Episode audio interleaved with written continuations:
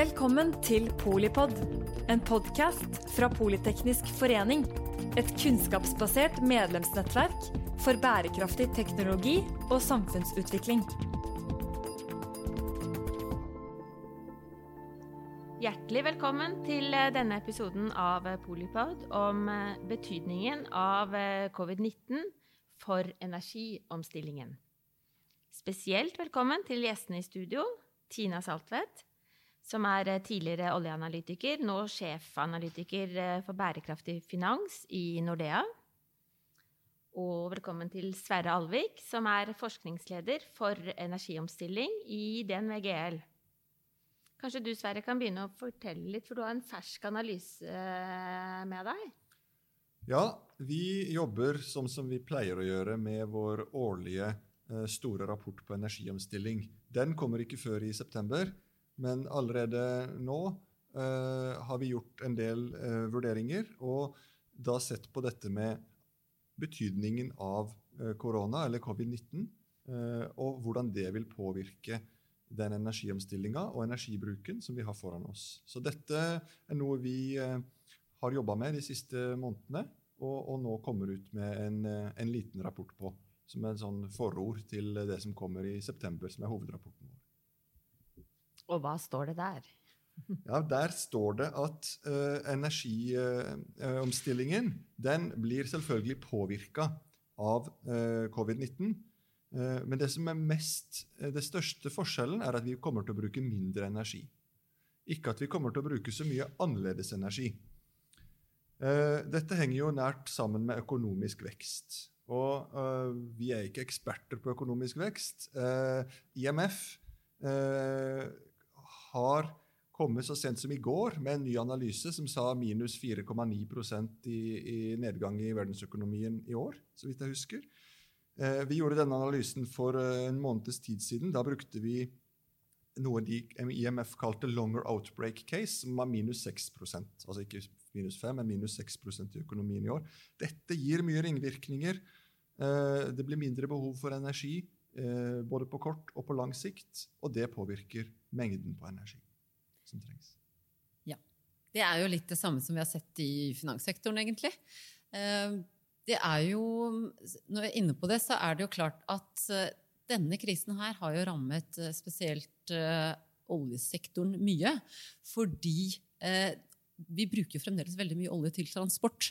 Og det er jo ikke tvil om at vi, når vi lokker inne rundt en milliard av verdens befolkning, når flyene står stille på bakken, så har dette slått veldig hardt ut i oljemarkedet, ikke minst. Og det ser vi også her i Norge. Det har jo gitt et kollaps i oljeprisen. Eh, og det merkes jo ikke bare på oljeproduksjon, men det merkes jo i det videre perspektivet med også leverandørindustrien. Og da er jo spørsmålet, Nå har det jo falt, og det har falt historisk mye. altså Oljeetterspørselen kollapsa med nesten 20 eh, i mars-april. Det har vi jo aldri sett noe lignende. Så er det store spørsmålet skal vi tilbake til der vi var før denne krisen begynte. Og det mener jo vi at det skal vi ikke. Eh, fordi at, eh, Og det, det, er jeg litt redd for her i Norge, at vi ser litt for mye på denne krisen i, sett i ett når vi ser på oljeindustrien. Eh, at vi skal hjelpe industrien gjennom denne krisen, og har jo nå kommet med store stimulipakker. Men egentlig så hadde vi jo en, en utfordring for oljemarkedet før vi gikk inn i denne koronakrisen. Nemlig at vi får et helt annet konkurransebilde med tre store aktører. altså istedenfor at OPEC, har, som har dominert markedet siden slutten av 60-tallet. Her har vi da Russland, USA og uh, ikke minst Saudi-Arabia som kappes om markedet. Og den kampen den har bare så vidt begynt. Den kommer til å fortsette. Og da får du, annen, du får en annen prisbilde, du får en annen markedssituasjon enn det vi hadde tidligere. Eh, oljeetterspørselen skal jo ned på sikt. Den skal ned med Eh, altså halveres de neste 20-30 årene. Sånn at vi skal jo ha mindre olje eh, etter hvert. Og så også det, eh, dette med klimarisiko, som vi har sett mye på i finanssektoren. Hvordan da investorene begynner å se Altså begynner å bevege seg fra investeringer i nettopp olje og gass, og kull for den del, der har vi sett det litt tidligere, til da å, å, velge noe annet. Så jeg tenker dette her sklir litt over i, i det mer langsiktige bildet som egentlig var der før vi begynte med denne krisen. Det vi ser, er jo eh, selvfølgelig Vi ser også den korttidsvirkningen. Eh, Det er vel en 45% nedgang som estimeres i, flytrafikken i år, f.eks., som, som jo eh, tar ned oljebehovet betydelig. litt mer usikkert hvor mye nedgang det blir, men det blir jo nedgang i, i biltrafikken. selv om vi har litt mye biler på veiene igjen nå, fordi ingen tør reise kollektivt. Så, så er det jo veldig spennende hvilken vaner varer ut fra dette. Eh, ja, mange, vi kommer til å fortsette å fly til, eh, til, Syden. Kanskje ikke like ofte som før. Men kommer vi til å reise på møtene våre i Tromsø eller i London? Eller kommer vi til å ta flere av de på video? Og i så fall, hvor mye? Og Derfor ser vi vel at i transportbransjen så kommer oljeforbruket aldri tilbake på det nivået det var nå. Eh, og det, det er eh, atferdsendringer som er veldig spennende følger eh, av korona. Og det er jeg helt enig med deg, fordi eh, det er jo litt interessant. Én ting er jo rett og slett det rene forbruket, at du kan kutte CO2-utslippene eller andre typer utslipp. Men det andre er jo det kostnadsmessige òg. Det sitter jo en del sjefer som, egentlig, altså, som, som kan se at, at uh, resultatene deres blir annerledes uh, pga. at man har kuttet transportutgiftene. At man heller investerer i litt bedre kommunikasjonsutstyr og, og, kan fjerne de på litt sikt. Så det blir jo noen endringer i vanene våre som vil vare lenger enn ja. en bare denne perioden. Og disse vanene de har også følger for, for produksjoner av, av, stål og betong, f.eks. Hvis, hvis færre folk reiser til kontoret sitt, så trengs det færre nye kontorbygninger.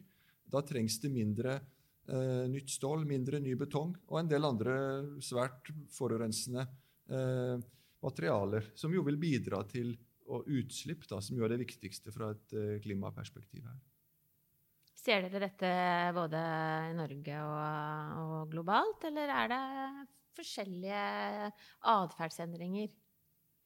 Jeg vil jo si at vi egentlig ser det ganske globalt. Det er jo egentlig litt spennende med en sånn krise. fordi at eh, her, dette er en krise som slår globalt og må løses globalt. Eh, og så har man jo litt forskjellige tilpasninger. Vi ser jo bare på Sverige og Norge hvor forskjellig vi tilpasser oss. Eh, men vi ser jo de samme effektene, at eh, folk lokkes jo inne. Og det er jo den måten man på en måte har løst dette problemet. Jeg har sittet og fulgt med da utslippsdata og, og, kjøredata i de ulike storbyene rundt i verden. Og, og, det vi ser nå, er jo nettopp at sånn som Kina var jo først ute. Og da så man etter hvert hvordan utslippene gikk ned. Eh, man så at oljeforbruket gikk ned til transport. Eh, og så kom Europa, og så kom USA, og så, seg, og så, flytter det seg nå til andre steder i verden. Men så ser vi at etter hvert som vi begynner å åpne opp, så går det jo motsatt vei. Og, og det tenker jeg også, det som denne krisen forhåpentligvis viser oss, det er at um, fordi at Så langt så har jo utslippene har kommet gradvis. Klimaendringene går gradvis. Vi ser det kanskje ikke så godt fra dag til dag. Eh, men denne krisen har kommet veldig fort, og den har hatt stor påvirkning. Så vi har jo sett bilder fra f.eks. Eh, Venezia, hvor vi plutselig ser rent vann og delfinene tilbake i disse kanalene. Eller andre steder hvor man ikke har sett fjellene i India, så man ikke har sett fjellene på noen meter eller eh, på distanse. Plutselig dukker opp en. Jeg håper jo virkelig at dette er en litt sånn lærepenge også, om at vi kan faktisk gjøre noe med disse utslippene hvis vi vil.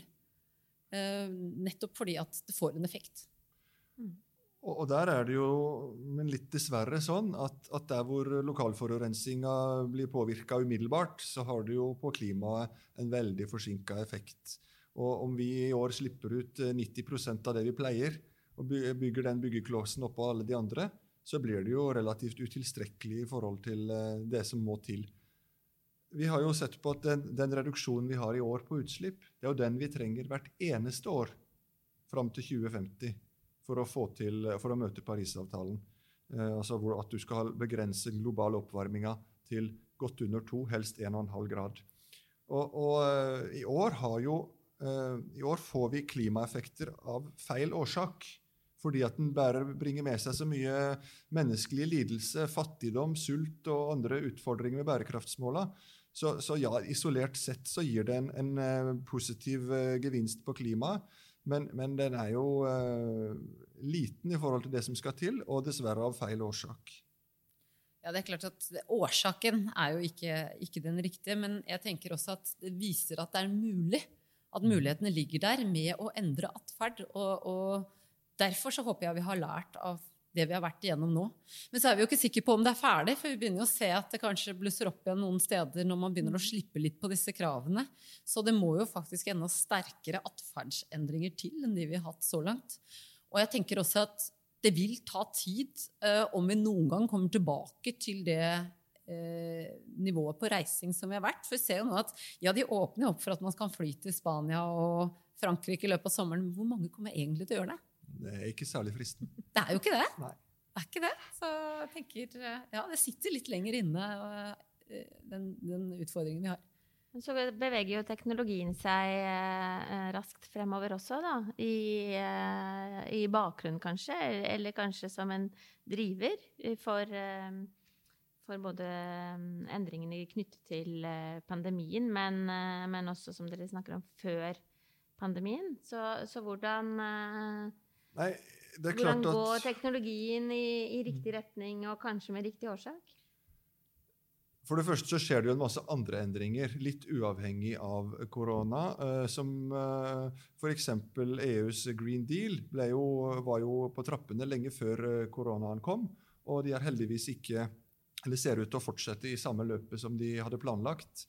Eh, så, så, en del av disse positive endringene de ser vi jo uansett. Og så er det ikke alle land som har like positive nyheter som, eh, som kommer fra, fra Europa. Eh, men, men, så er det sånn at teknologien den, den har jo endra seg. Og, og, noe av grunnen til at fornybar blir ramma mindre enn olje og gass i disse dager, er jo at de har en, en, annen konkurransesituasjon enn det de har hatt i tidligere kriser. Prisen er mye mer konkurransedyktig. Uh, strømmarkedet fungerer sånn at de har ingen driftskostnader, og derfor er det som blir brukt først. Uh, og Eh, olje og gass, derimot, som Tina var inne på her, har jo allerede før dette kom en krise som gjør at, at prisene var lave, eh, investeringsviljen eh, så som så, kanskje, og, og volatiliteten, eh, risikooppfattelsen av dette, har endra seg i forhold til det den var i forrige krise. Og det tenker jeg også er veldig, Vi ser det fra et finansperspektiv, så er jo det fordi at olje, spesielt oljesektoren, da, eh, det har jo vært eh, på en måte der den, du kunne hente store avkastninger. Og det har vært utfordringene. Det ser vi jo her i Norge også. Hvis vi nå skal bytte ut olje og gass, hva skal vi bytte det ut med? For vi har tjent så mye penger på det at det er vanskelig å få den samme avkastningen. Men det som blir interessant fremover, er jo at når dette endres, vil vi da se den superprofitten og den superavkastningen som har vært i olje- og gassektoren?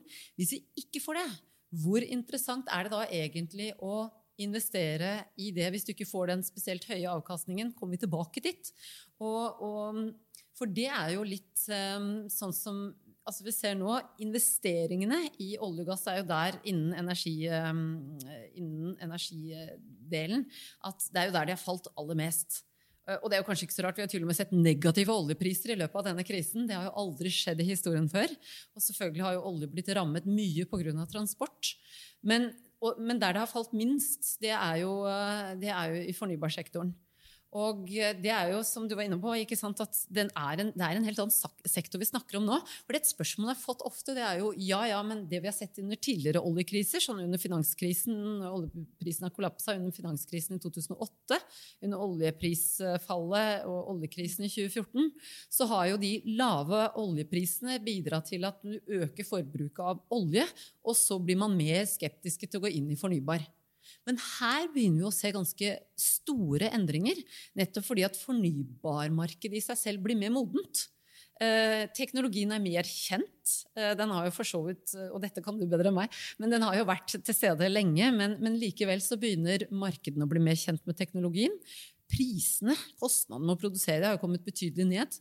Eh, og så har jo også investorverden blitt mer kjent med markedet, begynt å forstå det mer. Altså det er så, man er ikke fullt så skeptisk til å gå inn i dette.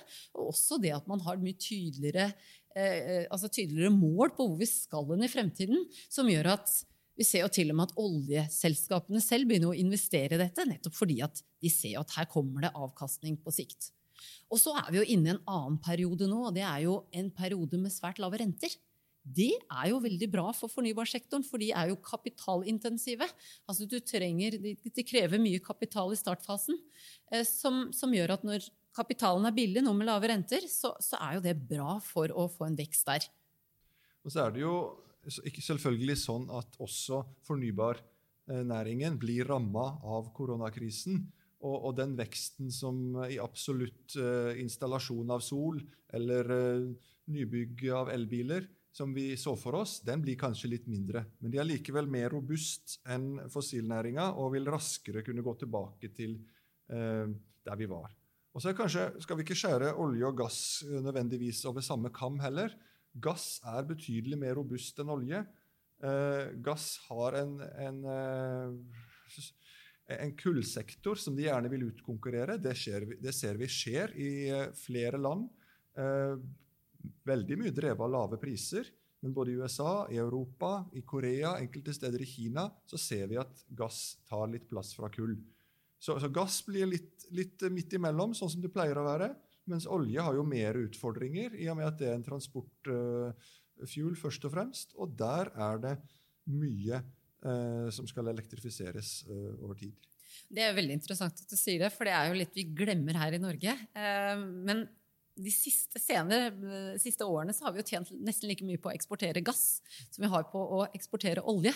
Men hvis du spør mannen i gata eh, hvor de tror inntektene kommer fra, så hører vi jo stort sett mest om olje og veldig lite om gass. Eh, nå eksporterer vi jo ja, 97 av gassen vår, og stort sett det meste går til Europa.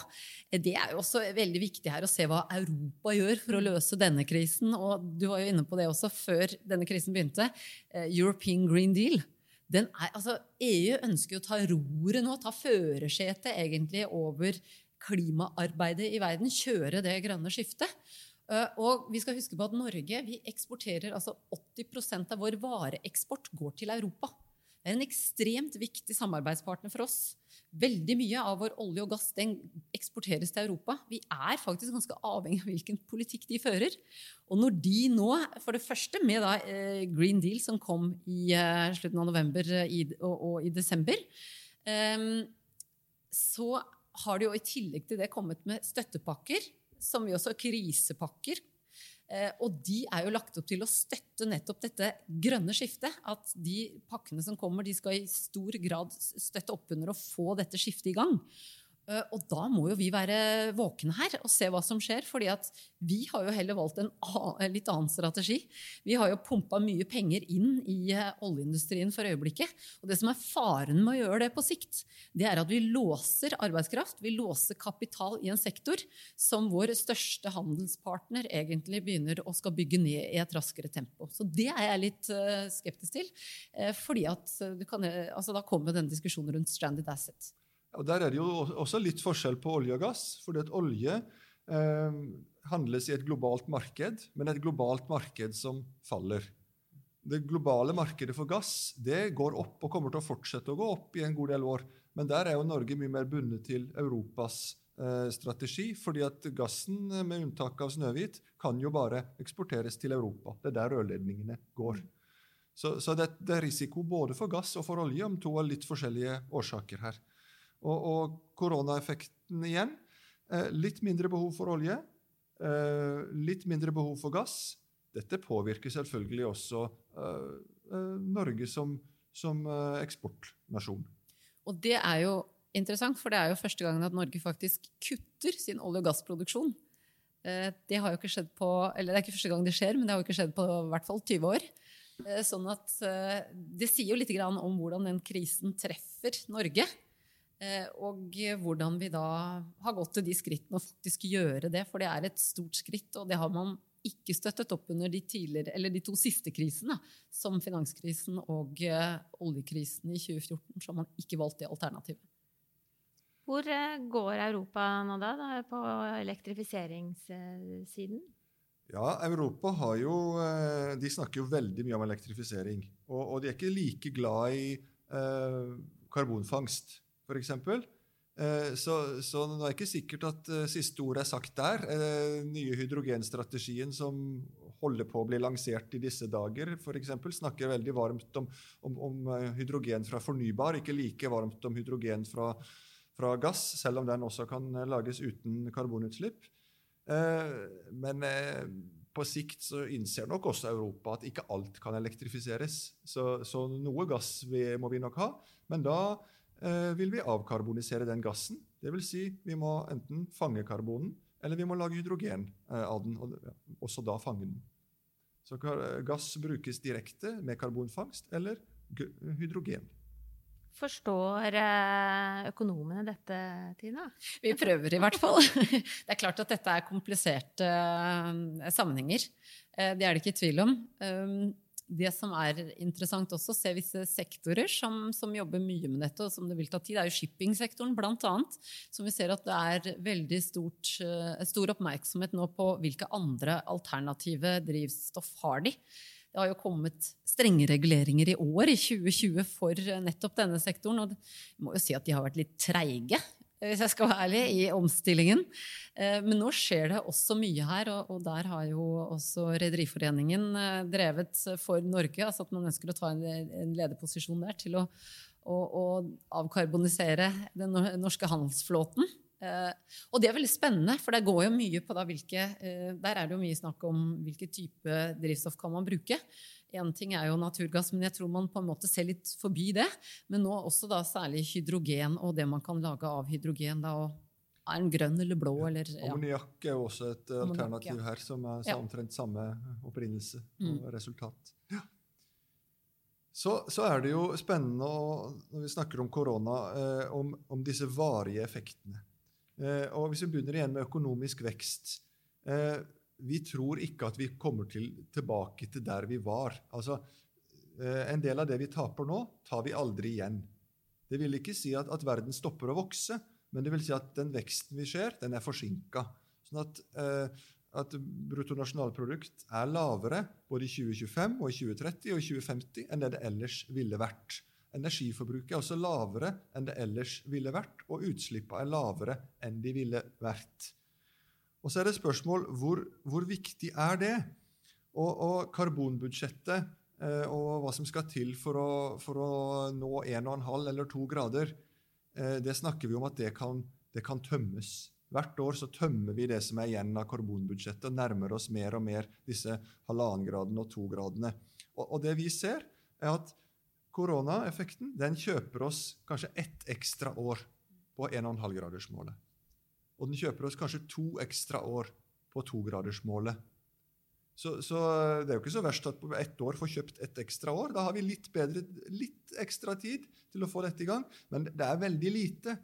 Altså, om du, om du tømmer eh, togradersmålet i 2050 eller 2048 allikevel så, så, er vi på feil retning. altså. Så ja, det påvirker energibruken, det påvirker utslippene, men det er altfor lite. Og, da, For å få til mye mer enn det, da er det disse atferdsendringene og politikken. Politikken som skal til, og, og, den går jo i alle retninger i dag. Som, som Tina sa, i Europa støttes det grønne, grønne pakker til bilindustrien i Frankrike og i Tyskland. Eh, I Norge så ser vi at det er olje- og gassindustrien som har kommet best ut av forhandlingene så langt. Og hvilken vei dette går på sikt, det er den aller mest avgjørende faktoren for om eh, korona påvirker energiomstillingen i en, i en positiv eller negativ retning.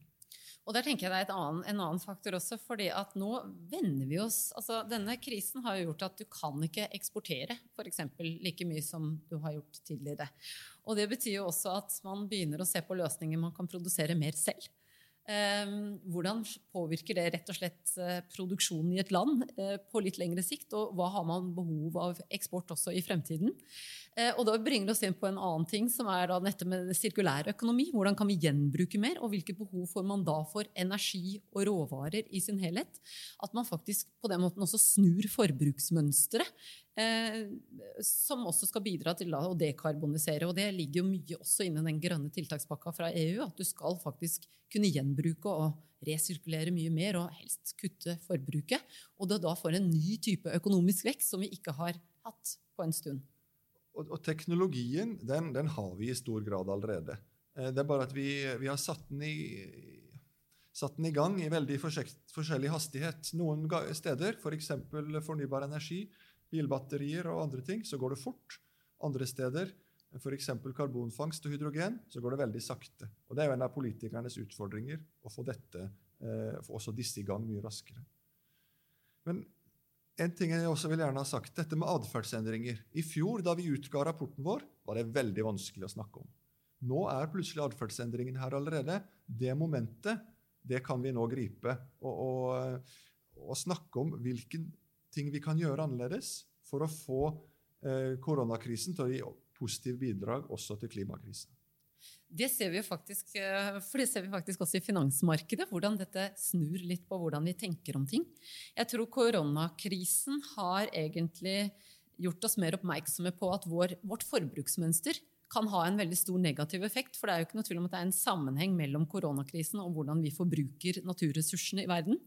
Eh, og hvordan vi da også kan eh, endre atferd, og må endre atferd egentlig fremover. Og det, det har vi sett, eh, sett, i finansmarkedet nå. Vi så det jo også før. altså Før koronakrisen så var det veldig mye fokus på klima og miljø. Nå ser vi at det er også andre aspekter, sosiale aspekter som kommer inn. Eh, som, som, gjør at man begynner å prise dette inn.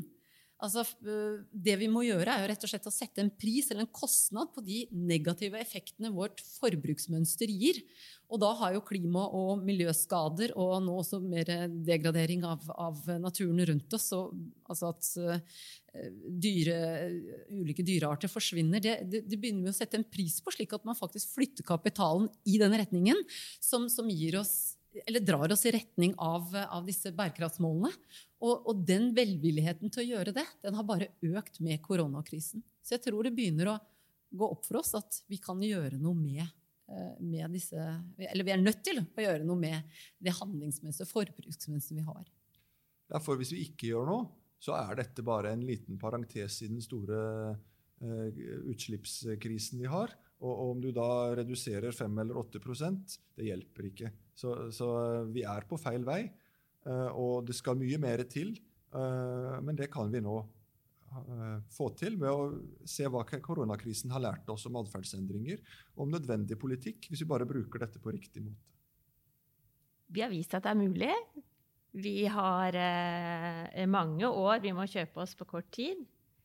Men eh, jeg må jo si at eh, når eh, ingeniøren og økonomen er såpass enige og er så villige til å dele den innsikten og inspirasjonen dere har og sitter på, så tenker jeg at tverrfaglighet og, og, egentlig forståelse, som dere har vist oss fra markedssiden, både på teknologi og på finanssiden, da, gir grunn til optimisme.